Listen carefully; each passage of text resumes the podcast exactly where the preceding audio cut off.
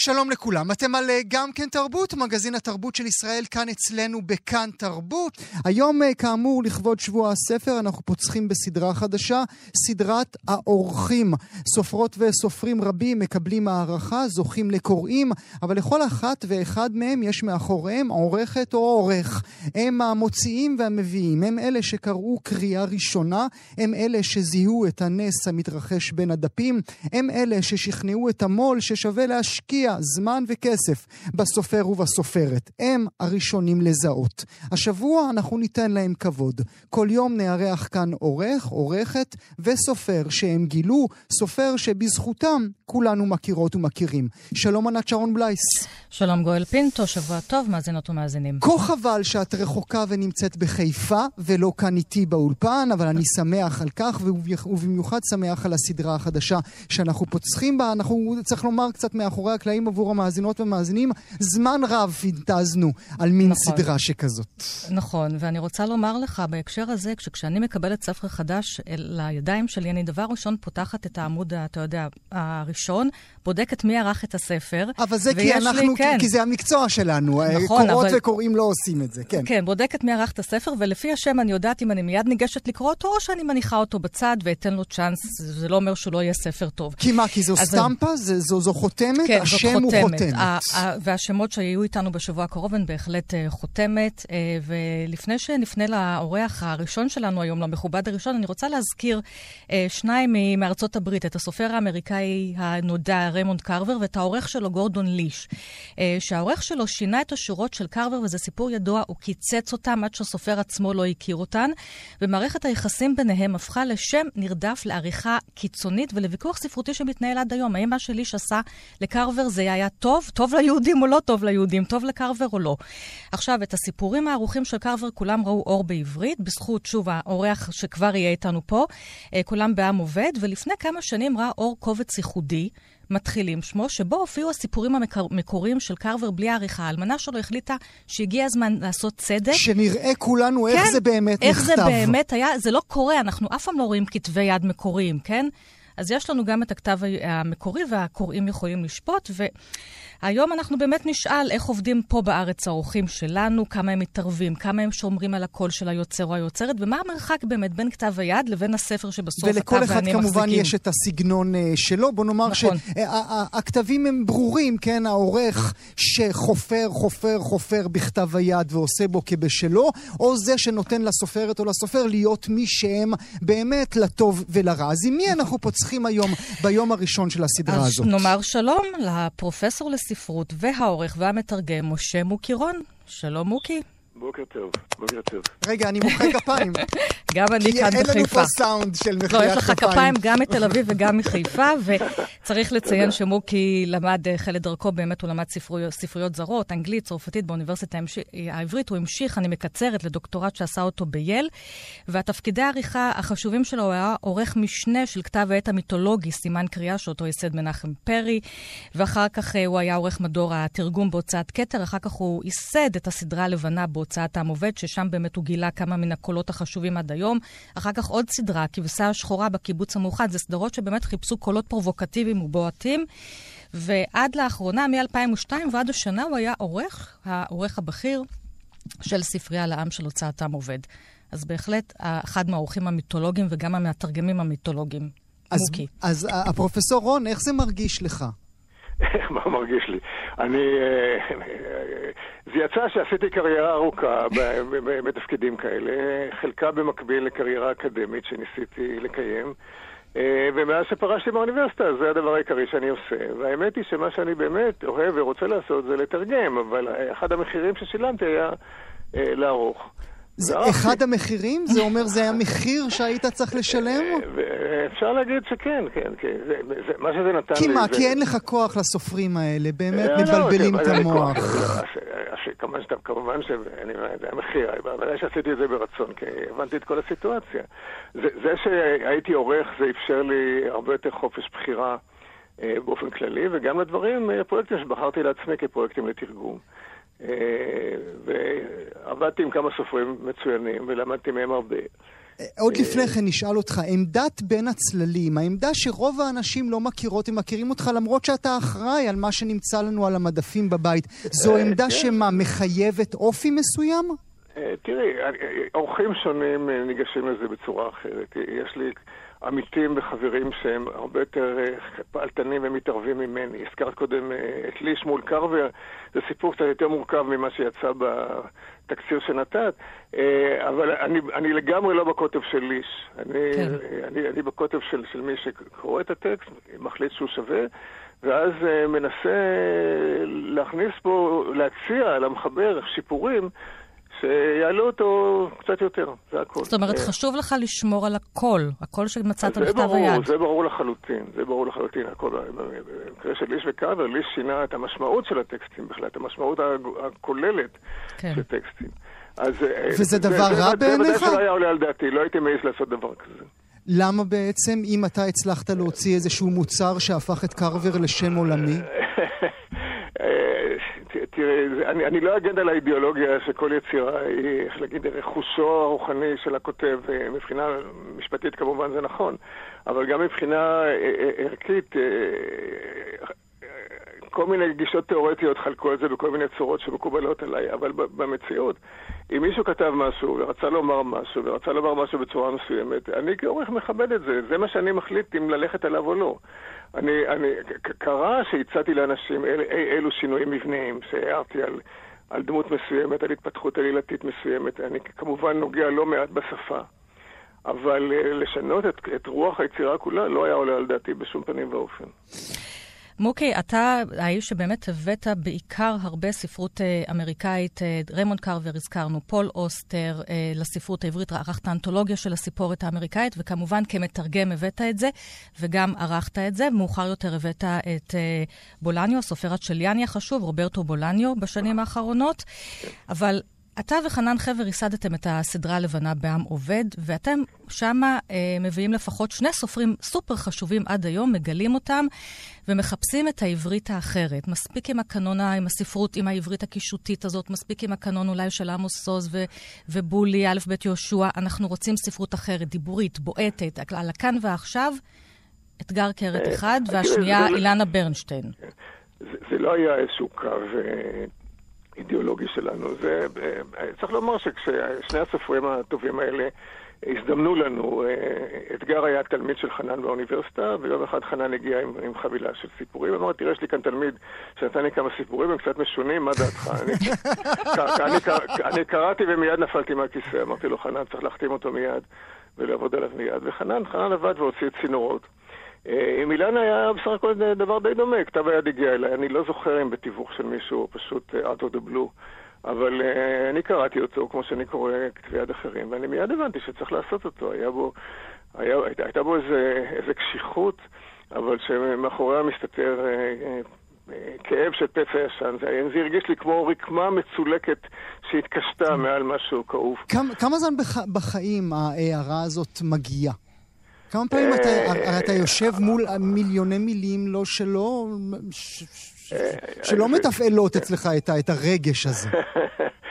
תשמעי, אני, אני, אחרי הרבה שנים במקצוע הזה אני הבנתי שהיכולת לגעת בדברים רגשיים עמוקים ולפעמים נסתרים, זה בעצם מה שהביא אותי לעסוק בספרות. היה נדמה לי שאני בא מסיבות אחרות, אבל זו הייתה הסיבה האמיתית. אז זה ברור, אבל אני, אני, החוויות של גילוי היו לי יותר עם סופרים זרים, אלה שהזכרת, עם קרבר, עם אוסטר. אני, אני בעצם הבאתי את הטרילוגיה הניו יורקית לכתר, וזה בשבילי היה רגע של, של התגלות שראיתי את מה שהוא עשה שם, בספר למעשה הבדיוני הראשון שלו. ועם בולנו זה אותו דבר, אני קראתי 30-40 עמודים מנוקטורנו בצ'ילה בתרגום אנגלי, ומיד הבנתי שאני רוצה את הסופר הזה, לא רק את הספר הזה. אז אה, אה, עם אילנה זה היה די דומה, היה ברור שיש כאן משהו עם כוח. אני, היא הייתה סופרת לא מוכרת, היא הייתה חדשה, זו יצירת ביקורים. לא היה ברור לאן זה ילך. אה, אנחנו המשכנו לעוד ספר אחד שנקרא דייר הניג. אה, הספר הראשון, רק נאמר שרק סוטה עונתה, זה בדיוק 30 שנה הוא חוגג עכשיו, יצא ב-1991, כן. ומיד שנה אחר כך דייר הניג. כן. אה, אבל תראה, אתה, וזה אולי דבר חשוב, גואל, גם לומר, כי אנחנו נטפל בזה, נראה לי, בהמשך השבוע, של האורחים שגם מגלים פתאום זאת הספרות הנשית שמתחילה לפרוח, ונשים שמעזות לכתוב אחרת על נשים, וגם אחרת על אימהות. לא כמו שכתבו קודם גברים או נשים אחרות. אני חייב לומר, בשבילי זה לא היה גילוי, הדברים האלה היו די מובנים אליהם ודי מקובלים. מה, אימהות נוטשות? אימהות נוטשות? אימהות שאינן טובות דיין? אימהות שלא רוצות להיות אימהות? לא רוצות את הילדים שלהן? את לגמרי צודקת, זה כמובן היה הנקודה החריפה בספר הזה. ונקודה שכמובן מלווה אותי אילנה במשך השנים, וצצה בספרים שלה שוב ושוב. אני, כן, זה, זה ודאי שהיה דבר חריף, אבל אני, במקביל בסדרה הלבנה, אחד הספרים המתורגמים הכי שווים שהוצאתי זה ספר הסיפורים של גרייס פיילי, נכון. היהודייה הניו יורקית הנפלאה. אה, הפרעותיו הקטנות של האדם. זה ספר נשי פמיניסטי מוצהר. אה, אני, אני אהבתי את הסיפורים, זה לא, זה הבחירה. אני, אני שייך באופן כללי לאגף שמקבל רעיונות כאלה, לא, לא הייתה לי שום בעיה עם זה, כמובן, לא, זה לא היה בזה שום ייחוד. אז, אז דיברנו ברחל, בתנו הקטנה, אז בואו נצרף אותה. אילנה ברנשטיין, בוקר טוב. בוקר טוב, המיקרופון שלי היה כבוי עד עכשיו, אחרת הייתם שומעים את מחיאות הכפיים גם... גם את מחאת כף בבית. היי לנה, היי לנה. כלת אה, פרס ספיר, אה, כמובן, כמובן, כמובן. את זוכרת את המפגש הראשון שלך עם לא פחות מאשר הפרופסור מוקי רון? היה לך פחד לפגוש בו? אני בהחלט זוכרת את זה, זה מסוג הדברים שלא שוכחים. אה, אני כבר התבטאתי בצורה בוטה ביחס למפגש הראשון הזה באיזה ערב ספרותי. נדמה לי שדיברתי אז על ביתוק הבתולים הספרותיים. וזה מאוד נכון. זאת אומרת, אני עכשיו, כשהתבגרתי קצת, אני אולי אוכל לעדן את זה ולדבר על הנשיקה הראשונה. אבל אה, כן, בהחלט אני זוכרת את זה. אני שלחתי ל... אה, הכל קרה לגמרי במקרה, ישבתי באיזה בית קפה ופגשתי, אגב, את שיפרה אינטרטו מוקי, והיא סיפרה לי על הסדרה שלך ושל חנן. אוקיי. והיא אמרה שהסדרה סגורה לשנה, אבל שכדאי לי לנסות, ושלחתי את כתב היד. וכעבור ארבעה ימים, כמו בסיפורי סינדרלה, וואו. אה, מוקי התקשר אליי, זה היה מוצאי שבת, ושאל אותי אם אני רוצה להיפגש איתו, ונפגשנו בפלומה. וואלה. למה אני אוהב את הסיפור הזה? כי את, שזה, כי את, שזה נגע בך כל כך, זוכרת כל פרט, ומוקי שואל את עצמו, בסדר, מה זה הפלומה הזה? מה, איפה ישבתי? היה פיקאסו, היה בר שנקרא פיקאסו ברחוב הירקון, נכון, נכון, נכון. ומוקי ישב שם. ויותר מזה... מי שילם על הארוחה? אז עולם הספרות נראה אחר לגמרי. אה, אחר לגמרי. אה, החוזה היה כבר בכיסו. הוא הגיע עם חוזה לבית הקפה? כן, אוקיי. בכיס הפנימי של המקטורן שהוא לבש. ואני ביקשתי, אה, כי לא ידעתי איך לנהוג, לא הבנתי בכלל מה קורה. אז אמרתי, אוקיי, אני אקרא בזה בבית. וכמובן שאחר איזה תקראי? תחתמי שם על השולחן, מה את אה, משחקת אותה לא, קוראת? לא, לא, לא הבנתי כלום. שפרה אמרה לי שהסדרה סגורה לשנה, והספר פתח את הסדרה. כן, בסוף אה, זהו, הפכת עולמות, אילנה. מוקי, נתת לה להפוך עולם, מי פתחה את הסדרה? אה. אני לא יודע מי קבע שהסדרה סגורה לשנה, כי לא היה לנו איזה תוכנית עבודה אבל אני כן רוצה לשאול אותך, אילנה... רגע, אני רוצה להוסיף רק שמוקי ערך לי שלושה ספרים. אה, הספר השלישי יצא באיים של שקט, הוא יצא בספרייה החדשה של מנחם פרי, אבל מוקי ערך אותו. אז השאלה שלי זה איך העבודה שלך איתו כעורך הייתה? האם הוא היה קשוח? האם הוא היה כותב לך, זה זוועת עולמים, את חייבת לכתוב את זה מחדש? תראה. האם הוא היה מלטף? האם הוא היה מחמיא? קודם כל, כל הדברים האלה יכולתי לדעת רק בדיעבד, היות שזה היה הספר הראשון, כמובן. אז כל מה שמוקי עשה היה מה שעורך עושה. זאת אומרת, זאת הייתה החניכה שלי. אה, ומיותר לציין שמוקי כבר אז היה חוקר ספרות, מרצה אה, לספרות, עורך ומתרגם, ואני בעצם ציירתי עד אז, וזאת הייתה ההתנסות הראשונה שלי אה, בכתיבה. כלומר, קיבלת את כל ההערות שלו, היית בעמדה כזאת של סופרת מתחילה, מי שבעצם עדיין אין לה ספר, ואת מקבלת את כל ההערות של העורך שלך. נכון, ואני חושבת כן. שיש לי עד היום את כתב היד הערוך, זה נעשה כמובן בעיפרון, אה, לא... ויש לי אותו עד היום, ולאותו של דבר הצצתי בו הבוקר, ו... וזה, יש שם מעט מאוד אה, שינויים, קלים אפילו הייתי מדהים, אומרת. מדהים, זה בדיוק כמו שהוא אמר קודם, שהוא נותן לסופר ולסופרת להיות משם. הפרופסור רון, אולי תקרא לנו מתוך מה שהתאהבת, למה הפך את אילנה בעיניך לאור שכזה? טוב, תראי, אה, אה, הספר הזה מספר על... הוא סיפורה של אישה שננטשה בינקותה על ידי אמה. ולמעשה כל חיי היא מחפשת את דמות האם הזאת. ופרק לפני הסוף היא גם יולדת ילדה שהיא לא כל כך חפצה להיות אימא שלה. ואז היא לוקחת את עצמה לאנגליה ומוצאת את אימא שלה שהיא כעת מרצה באוניברסיטה. אה, והאימא לא אומרת לה כלום, היא לוקחת אותה והן נכנסות לבר, ואני מקריא קטע. היא מזמינה סקוץ' עם קרח ושואלת באנגלית מה אני רוצה. אני אומרת לה בעברית שלא חשוב. היא מזמינה פעמיים. היא לוקחת את הקופסה ומניחה אותה בצד. אני שואלת אותה, זו המתנה שהיא הביאה לה, כן? אני שואלת אותה אם היא רוצה לפתוח אותה, היא אומרת שלא עכשיו. היא קצת מפחידה אותי. היא שואלת, בשביל מה באתי? אני אומרת לה שקשה לי לדבר ככה ואני לא רואה כלום.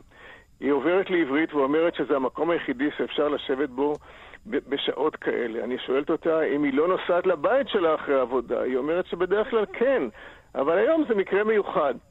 אני אומרת לה שאני רוצה לבוא אליה הביתה. היא אומרת שזה בלתי אפשרי. אני אומרת לה שזה בטח חלום. היא אומרת שזה לא חלום, ושאגיד מה שיש לי לומר. אני אומרת שאין לי מה להגיד. היא אומרת שלא דווקא יש משהו להגיד, ותנסה להגיד אותו בקצרה, או מבלי לפגוע בי. איך זה מחזיק 30 שנים אחרי זה? מדהים. את זוכרת את הקטע הזה, אילנה? כן, אני זוכרת אותו. מבחינתי זה, מבחינתי זה היה קטע השיא של הספר. אבל זה, צריך לומר שזה ספר שבנוי מהרבה פרטים, בהרבה סצנות, זה לא... זה לא... הוא, הוא לא כולו מתמקד בנקודה, אבל זה, זה היה, בשבילי היה הקטע השיא של הספר.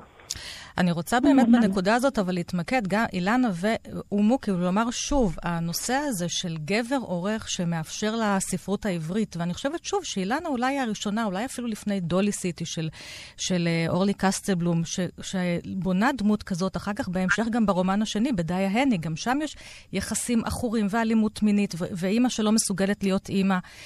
ואתה כגבר העורך, אתה זה שמכניס, שמיילד את זה לתוך הספרות העברית, את הקול, את הקול הזה. שלא היה קודם. אה, כן, זה היה בעיניי ערכו של הספר. בכוונה אומרת מיילד. לא שזה כמובן מטריד באיזושהי רמה רגשית. אה, כמו כל אדם, גם לי הייתה אימא, כן, והיה לי מערכת יחסים לא הכי פשוטה איתה, אה, אבל טובה בסך הכל, כן, לא מערכת עכורה כמו שמתוארת כאן. וכן, זה, זה, זה שזה היה דוקר, זה היה לטובת הספר, לא, לא, לא, לא, לא, לא לרעתו. וסיפורים סיפורים דוקרים גם, אבל הבאת לנו מריימונד קרבר. אולי רגע נחזור אליו, כי גם רצית לומר גם עליו משהו. אתה הבאת אותו אל העברית, את ריימונד קרבר. שוב, כן. זו, גם כן. זו גם השפה האנגלית האחרת, זה גם הטון האחר שלא היה קודם אצל הסופרים הגדולים האמריקאים שהכרנו. אה, אה, אני רוצה לומר משהו, הוא לא היה אולי בהרבה מהתרגומים שערכו קודם. אני, אני, קרבר הוא, הוא לא תופעה כל כך חריגה בנוף של הסיפור הקצר האמריקאי. ואת אמרת קודם שעשיתי אנתולוגיה של אה, סיפורים אמריקאים, נכון. אני עשיתי שלוש אנתולוגיות של סיפורים אמריקאים. נכון, נכון. ואחת מהם, האנשים הכחולים, ניסתה ליצור איזשהו מין הקשר מסביב לקול, כמו הקול של קרבר. 25 סיפורים של 25 סופרים שכתבו בשנות ה-80. סיפורים קצרים ריאליסטיים, ואחד מהם הוא קרבר, ויש עוד 24 אחרים. מה תפס אותך אצל קרבר, שגם מאוד הצליח פה בארץ? קרבר, אני נתקלתי בקרבר גם ברגע מסוים בחיים שלי, כשעמדתי בפני גירושים ועוד שינויים, אה, שינויים לא פשוטים שדי טלטלו אותי. ואורי ברנשטיין, אה, זיכרונו לברכה, כן. באיזה מפגש, אמר לי, אני בא עכשיו מאמריקה, קראתי, יש איזה סופר שכותב סיפורים קצרים, אתה חייב לקרוא אותו. אז מיד הזמנתי בדואר את הספר שנקרא בעברית דבר קטן וטוב. באנגלית קתדרל, אני פשוט לא רציתי לקרוא לו אחר כך קתדרלה בעברית. אה, וקיבלתי את הסכמתו של קרווה, דרך אגב, לשנות את הכותרת של הספר. והספר הזה איכשהו עזר לי דרך כל הטלטלה שעברה על החיים שלי, כי קרבר, עם כל הסיטואציות הקיצוניות שבהן הוא תופס את הגיבורים שלו, הוא בסופו של דבר אופטימי. הוא בסופו של דבר אה, מאמין בערכים של בית ושל יציבות, ו...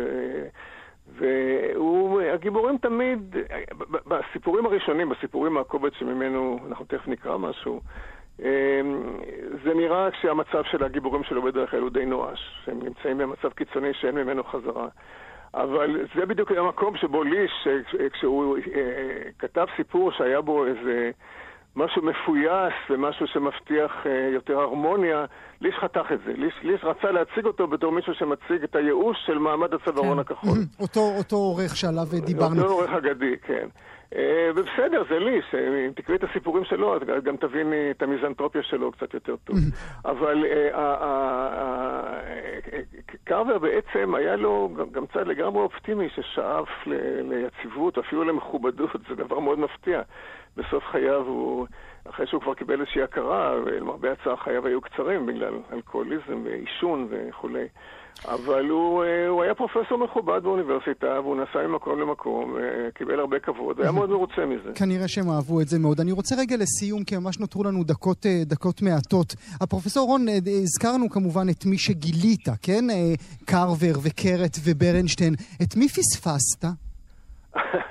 אז ככה, אה, היה לי ביד את הדרך של מקומק, של אה, קורמק מקארתי. והשתעממת למוות. לא, לא השתעממתי, אני חשבתי שזה ספר דיכאוני של אדם זקן. כמובן לא- השתעממת למוות. אף אחד לא ירצה לקרוא אותו, ואני טעיתי טעות גדולה, ואורנית ברק, שהייתה... חטפה אותו. אה, חטפה אותו, ומכרו הרבה ספרים, והצליחו עם זה יפה. וזה אחרי שהוצאתי את לא ארץ לזקנים, כן, הסיפור שהוסרט בתור ארץ קשוחה בידי... האחים. כאן בארץ. כן, האחים כהן. האחים. ומבין הישראלים, מבין הסופרים אה, הישראלים, את מי פספסת? זה לא יכול להיות אחרת, אבל היו לי גם הרבה הצלחות אה, ספרותיות עם ספרים שנשארו לא הכי ידועים, אבל אני הוצאתי, לדעתי, במשך השנים תרגמתי וערכתי כמה ספרים נפלאים, שיחסית מעטים קראו אותם. גם לדעתנו. אני רוצה, אילנה, עוד מילה אחת ממך, ככותבת, כמי שכותבת ומפרסמת כבר 30 שנים, מה זה עורך רע? אוי, אני לא רוצה... אני עצמי, אגב, עורכת, אבל אני רוצה, אפרופו, לא, משהו שחשוב לי לומר, סליחה שאני לא עונה לשאלה, אבל זה ברוח הימים האלו. אה, מוקי, מבחינתי הוא גם מורה לספרות. זאת אומרת, אני חושבת שאת הסיפור הראשון של אליס מונרו קראתי באנשים הכחולים. אה, אני חושבת, את ג'מייקה קנקייד הכרתי אה, דרך מוקי. את... אה, כמובן שאת קרבר ואת פול אוסטר, ו... אה, אבל האנתולוגיות שמוקי אה, הוציא, שאת חלקן לדעתי כדאי להוציא שוב, גם אחר כך הסיפורת האמריקאית במאה ה-19, הם ממש דברים שהם טקסטים לימודיים, לא רק, אני לא יודעת איך להסביר את זה אפילו. כן, זה גם ספרות זה... וגם בעצם מעבדה, בית ספר, תקראו את זה וככה תפנימו את הדברים, כי ככה כותבים. אה, בכל כן, מיני צורות, ספק, כמובן. וגם, גם, לא, גם, גם כקוראים, גם כקוראים, איך היינו יכולים לחיות, אה, לחיות כקוראים בלי התרגומים האלו? אה, אני חושבת שזה נדבכים שלמים של תרגומים שהגיעו, ואולי בגלל זה מוקי ככה מתייחס אל, אל העריכה כאל מחיר, כי באמת ה, ה, כקוראת אני מדברת עכשיו, לא כסופרת, כקוראת אני אה, התחנכתי על התרגומים האלה שלו. איזה יופי של אה, מילים. מילה לסיום אליך, פרופסור מוקי רון, ברשותך. מה החלום הכי גדול שלך אחרי כל מה שעשית? מה עוד מונח לך על השולחן בחדר לא העבודה? תראה, הייתי רוצה לעשות עוד איזשהו פרויקט מאוד גדול. אבל uh, זמני מתקצר, אני כבר עברתי את גיל 75, אני לא יודע כמה שנים עוד יש לי להיות צלול ותראה, כושר גופני לעשות את זה. למשל, uh, קשה להגדיר את זה כחלום מוגדר, אבל למשל, אם, איזשהו מו"ל היה מחליט לעשות את הטרילוגיה המופלאה של ג'ון דוס פסוס, USA, זה היה יכול לפתות אותי, זה משהו כמו 1200 עמודים. זו יצירה אמריקאית מאוד חשובה. וזה משהו שהייתי שמח לנסות לעשות. אז הנה, אנחנו מוציאים מפה אה, קריאה. אבל אה, כבר בקרוב יצא תרגום חדש שלי לחינוך הסנטימנטלי של פלובר, זה היה חלום שלי הרבה שנים, והגשמתי אותו בעזרת מנחם פרי. פלובר זה תמיד טוב. נאמר לכם uh, תודה. ברכות, הפרופסור מוקי רון, תודה גם לך, אילנה ברנשטיין וענת שרון בלייס. אנחנו נמשיך מחר עם הסדרה המסקרנת הזאת. תודה רבה. אני רוצה אולי עוד לומר לסיום שמוקי, וזה דבר חשוב, מוקי הוא גם אחד האורחים הצנועים. אתה לא תשמע אותו עושה רעש וצלצולים וזה, הוא אחד האורחים הצנועים באמת שאני מכירה פה, נכון והביא. לנו כל כך הרבה מתנות למדף, באמת, בלי סוף. תודה לכולכם. תודה רבה. תודה. ביי ביי, להתראות. זה היה ההסכת המיוחד שלנו, האורחים לציון אה, שנת או שבוע הספר בשנת 2021. אה, קראו ספרים, זה חשוב, זה טוב לנפש. להתראות.